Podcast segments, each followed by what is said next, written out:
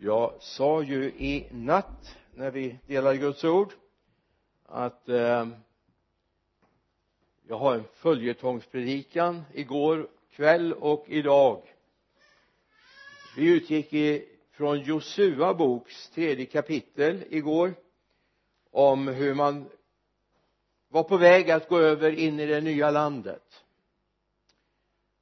Hur eh, Gud gör miraklet att trots att det är högt vattenstånd i Jordan så räckte det att prästerna kom, de som bar eh, förbundsarken kom fram till randen av Jordan. När fötterna kom precis och rörde vid vattenytan så delade sig vattnet eller det stannade upp i sitt övre flöde och eh, stod en bit bort som en vall. Och det var högvattentid står det också då men det kommer en tid sen också. Man kommer in i landet. Och även om jag inte hämtar det här nu ifrån eh, Josua så bara finns det i mitt hjärta att eh, det skulle kunna stå en skylt när man kommer in i det nya landet. Nu får du förstå bildspråket. Och det är apostlarna 1 och 8 apostlarna 1 och 8 men när den helige ande kommer över er ska ni få kraft att bli mina vittnen i Jerusalem och hela Judeen och Samarien ända till jordens yttersta gräns. Men när den helige ande kommer över er. Nu stod inte det här när Israels barn kom in i landet men bildspråket jag försöker använda det är att vi ska in i det nya landet vi ska in i den verklighet som Gud har tänkt för oss. Gud gjorde ett mirakel med Israels barn. När de går över gränsen så får man gå på torr mark trots att det var översvämningstid. Där man annars kunde ha gått. Men strax innan det vi läste sist så finns det en text om vi går tillbaka till Josua 3 då från vers 5 och det här är förberedelsen för det som ska komma. Det är Josua 3 och 5 men Josua sa till folket helge er för imorgon ska jag göra under bland er. Därefter sa Josua till prästerna ta förbundsarken och gå framför folket. Då tog de förbundsarken och gick framför folket. Herren sa till Josua idag ska jag börja göra dig stor i hela Israels ögon så att de märker att jag är med dig så som jag varit med Mose. Befall nu prästerna som bär förbundsarken och säg så snart ni kommer till den yttersta randen av Jordans vatten ska ni stanna där vid Jordan. Det här var alltså det som händer innan man får uppleva det här miraklet det är att helga er idag för imorgon ska Herren göra under ibland det finns en helgelseprocess före Gud kan göra under. Det finns en helgelseprocess före varje väckelse. Det finns en helgelseprocess före varje mirakel Gud kan göra. Och det är att man helgar sig så att man inte tar äran åt sig själv.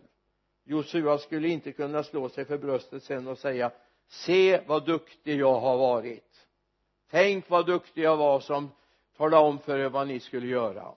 Utan man kunde se det här är Gud. Det finns några saker som vi ska ha med oss. I Josua 6 om du går med och bara tittar där ska du se. Där handlar det om att man går in i Jeriko. Gud är väldigt detaljerad. Gör så här. Ställ upp er i en speciell ordning. De stridbara männen först de som blåste i hornen sen och som folket. Och så går ni runt hela staden den här mycket kraftigt befästa staden.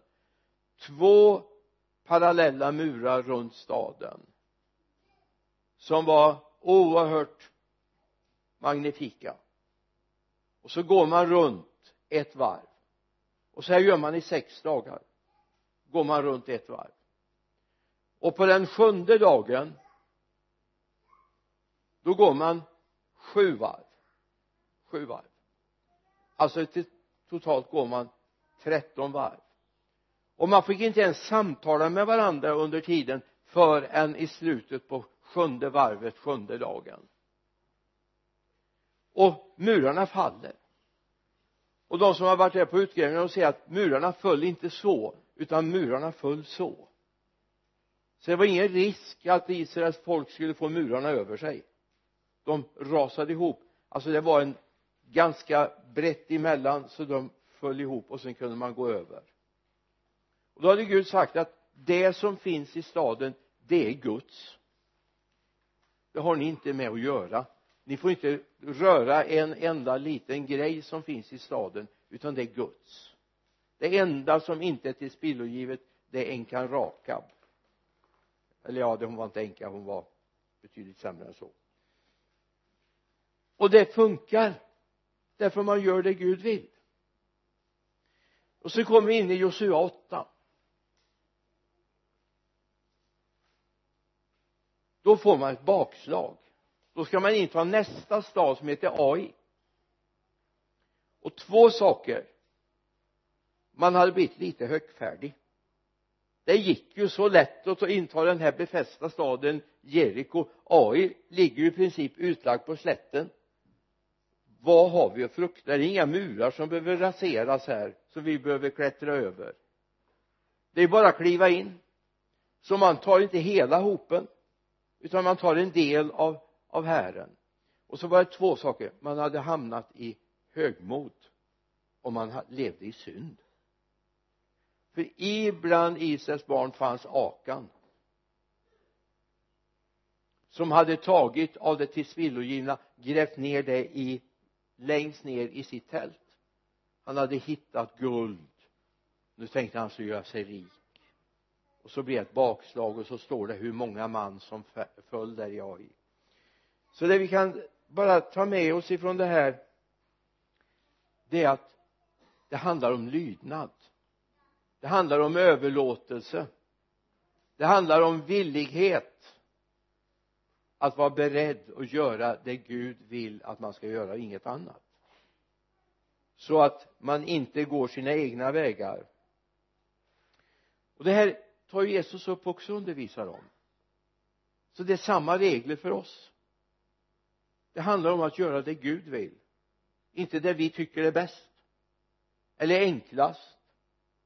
Och för det andra att vi inte lever med synd i lägret varken gömd synd eller öppen synd. Det är samma som gäller anno 2016 som det hände här långt långt innan Jesus var född.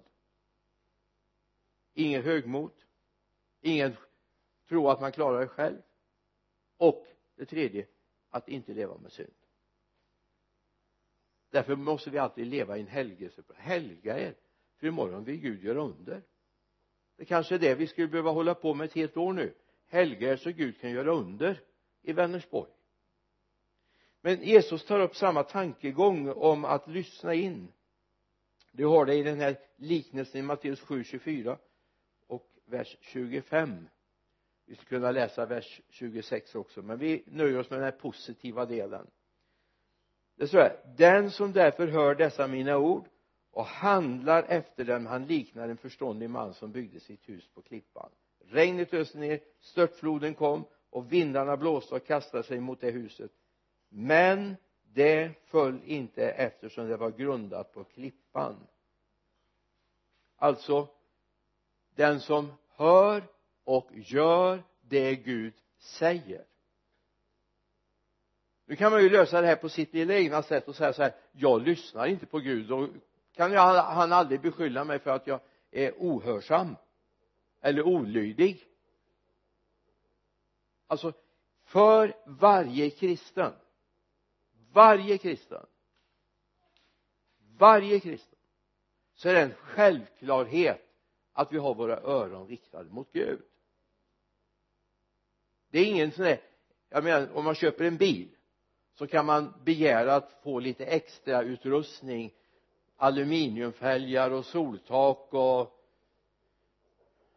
turboladdad motor och så vidare va? Extra breda däck och men det här är ingen extrautrustning det här är standardutrustningen.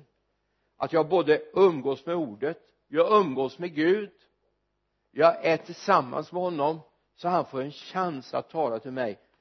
Och sen måste jag ju göra det han säger att jag ska göra eller hur? Det nya riket som vi ska in i det kallas för Guds rike. Vi ska in i Guds rike. Vi ska vara en del av Guds rike. Vad är det första vi får göra när vi lämnar det gamla livet och går in i Guds rike? Jo vi får lämna våra egna vilja våra egna tankemönster och vi blir egentligen Guds livegna har du förstått det? Om du vill gå med Gud så måste du bli Guds livegen. Det är han som bestämmer. Det är inte vad jag tycker utan det är vad han vill med mitt liv det handlar om. Guds rike har inga geografiska gränser. Det är ett andligt rike. Det är inte så att jag kan säga att jag kan resa dit. Det är inget turistmål det är inget resmål utan det är ett rike som drabbar mig inuti. Mina tankar, mina känslor, min överlåtelse. I Lukas 17 vers 20 står det då Jesus blev tillfrågad av fariséerna när Guds rike skulle komma svarade han Guds rike kommer inte så att man kan se det med ögonen. Vers 21 inte heller ska man kunna säga se här är det eller där är det. Ty se Guds rike är mitt ibland er. Och vad var det som var mitt ibland dem? Jo det var Jesus. Där Jesus får vara i fokus i centrum i mina beslut, min överlåtelse, det jag gör och när jag inte gör det där är Guds rike. När han får vara centrum i mitt liv. Det är inte jag, mitt och vad jag tycker utan vad han tycker jag ska göra. Det är riket. Det är där vi kan säga men när en helig ande kommer över ska vi få kraft och bli hans vittnen. En del av hans rike alltså. Guds rike är ett andligt rike. Ett andligt rike. Det är inte ett fysiskt rike det är ett andligt rike. Där Guds ande råder där Guds ande finns. Paulus lyfter lite grann på slöjan till det här i första Korinthierbrevets andra kapitel. Vers 7 till och med vers 10 det skriver Paulus så här. Nej vi förkunnar Guds hemlighets vishet. Den vishet som är fördold och som Gud från evighet har bestämt att bli till härlighet för oss. Denna vishet har ingen av den här världens härskare känt. Men de har känt om de hade känt den skulle de inte ha korsfäst härlighetens herre. Men vi känner som skriften säger vad ögat inte har sett och örat inte har hört och människohjärtat inte kunnat ana vad Gud har berett åt dem som älskar honom.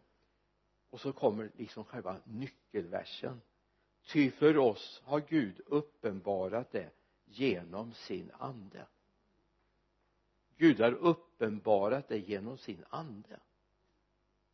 Anden utforskar allt också djupen i Gud. Så om du får del av Guds ande så kommer du förstå att det finns djup hos Gud. Det är inte yta. Det är inte känslor utan det finns ett djup hos Gud. Jag vet inte bilden är lite dålig kanske. Men eh, jag var många gånger och hälsade på min mormor och morfar uppe i Värmland. De bodde i ett gruvsamhälle. Och eh, där lekte vi gladligen på backen. Där fanns en del sådana här dag brott där man hade börjat att utvinna järnmalm men så hade det tagit slut då i de här ytliga skiktena ja ytligt ytligt. Det var 300 meter djupt så att det var fruktansvärt. Och så var det bara ett litet enkelt trästaket runt omkring. Säkerhetstänkandet var inte så fantastiskt. Det var ungefär ja, kunde vara 150 meter ner till vattenytan ungefär och sen var det 150 meter till sen och där nere var man och skrubbade mattor och klättrade på en liten stig ner för att tvätta. Men jag fick aldrig följa med dit ner av förståeliga skäl. Men det finns djup. Och en dag så säger min morfar till mig han jobbade i gruvan.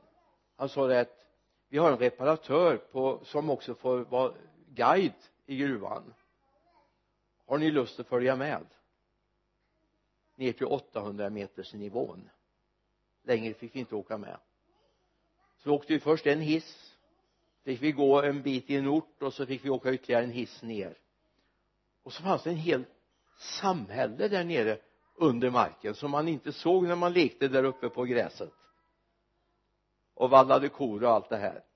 Man såg ingenting av det här alla orterna alltså de här gångarna som fanns där nere hur vattnet liksom rann ute och där gick det till och med som järn, en järnväg så man kunde åka tåg där nere flera kilometer bort. Spännande. Alltså jag vet att bilden är dålig men, men någonstans har jag förklarat vi rör oss här men hos Gud finns ett djup. Det finns en värld som du inte ser när du rör dig på ytan men där behöver vi Guds ande för att liksom förstå kunna komma ner i Guds verklighet. Och förstå det som egentligen styr vår tillvaro. Så under det här året jag talade om det igår att förlossningen har bara börjat. I år kommer mycket temat hos mig i alla fall ligga i det här att det Guds rike är ett andligt rike som kräver andliga människor. Det kräver andliga människor. Det låter ju hemskt kräva det är ju inget roligt ord va? Usch. Vi vill ju inte att någonting ska vi ska krävas på någonting. Men det är, vi kräver av Gud egentligen. Vi behöver upptäcka att det finns andliga ting i den här världen. Det finns en dimension, en verklighet som Gud behöver öppna våra ögon för att se. Vad är det Gud vill? Ja det är inte summan av det vi kan komma på. För då blir det bara ytan. Det finns en verklighet som Gud vill ta oss ner på. En vision, en hemlighet. Ja, egentligen ska det vara bättre att tala om någonting som går uppåt. Men nu står det faktiskt på djupet. Så vi får ta det så här räcker inte mänsklig logik till. Det kommer aldrig kunna fånga in människans ja, av mänskliga formler. Hur bra du än är i matematik kommer du aldrig kunna räkna ut Gud. Hur duktig du är på logik så kommer du aldrig förstå Gud. Det behövs en andlig dimension i våra liv. Och det ska vi prata mycket om det här året. I apostlagärningarna 1 där får vi en inblick i när Jesus håller någonting av en sista stund tillsammans med sina lärjungar. Vers 4 vid en måltid tillsammans med apostlarna befall han lämna inte Jerusalem utan vänta på vad fadern har utlovat. Det som ni har hört av mig. Ty Johannes döpte med vatten men ni skall om några dagar bli döpta i den heliga ande. Nöjer inte med mindre än Gud får öppna era ögon så att ni ser vad Gud vill med ditt liv. För det är utifrån det vi en dag ska dömas. Huruvida vi ville eller inte ville. Det handlar inte om vad vi kan eller inte kan utan det handlar om vad vi vill. I den här världen har Gud också utrustat människor med andliga gåvor. Karismer eller nådegåvor vi har det i första korintierbrevet 12 bland annat men jag tänker inte gå in på det nu.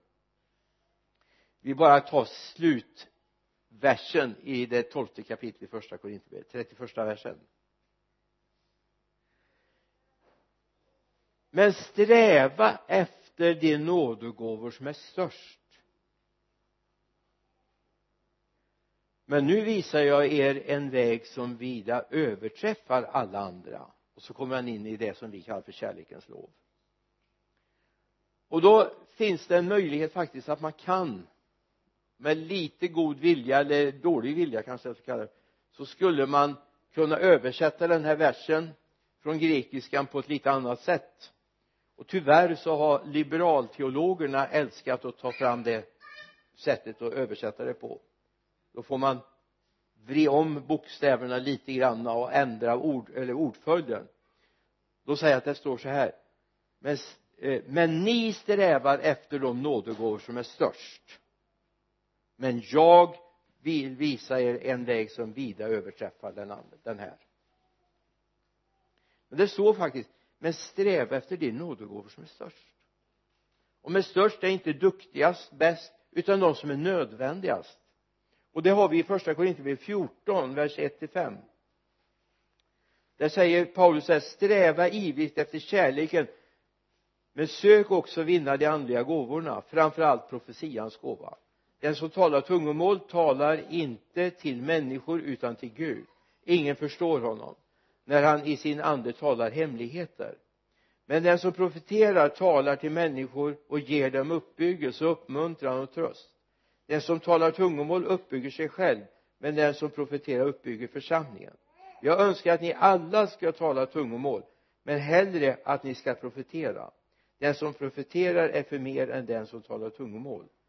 Om inte denne uttyder sitt tal så att församlingen blir uppbyggd.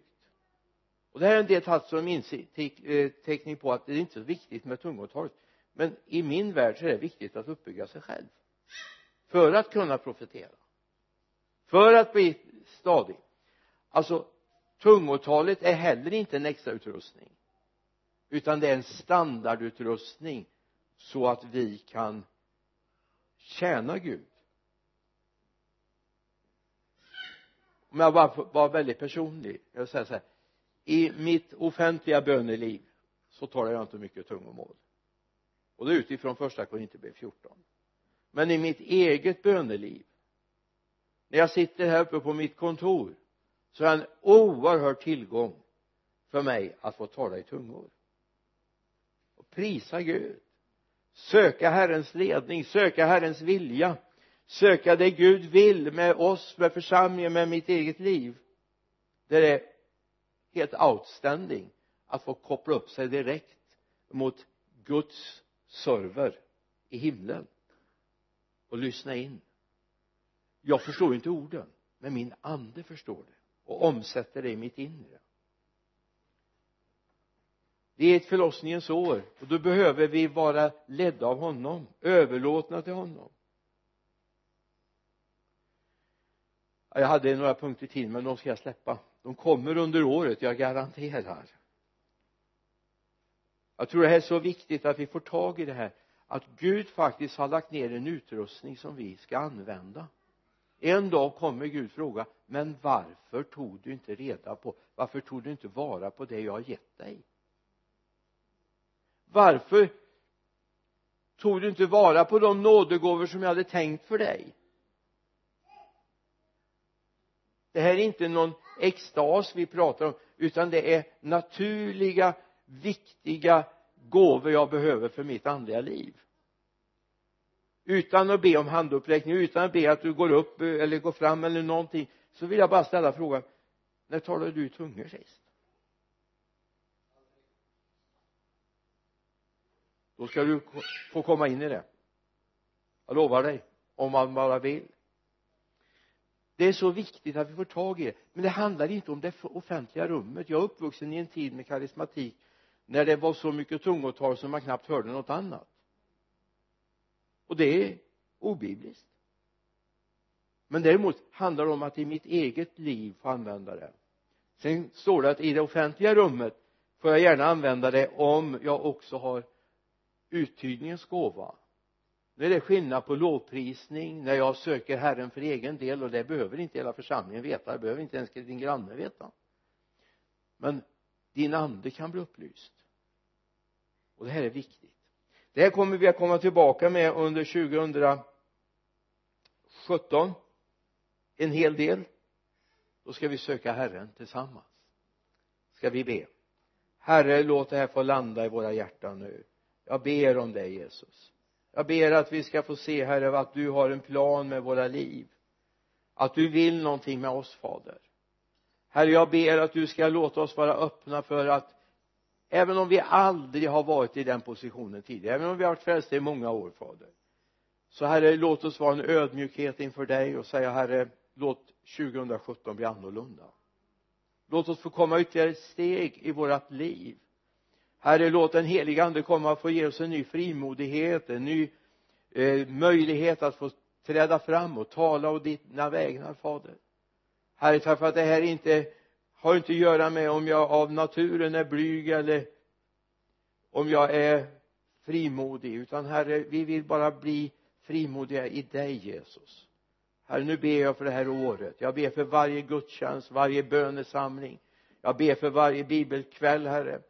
Herre jag ber för varje tillfälle vi åker till Lidköping. Herre att du ska bara fylla oss med din ande så vi får vara med och bygga upp ditt verk. I Jesu namn. Amen. Amen.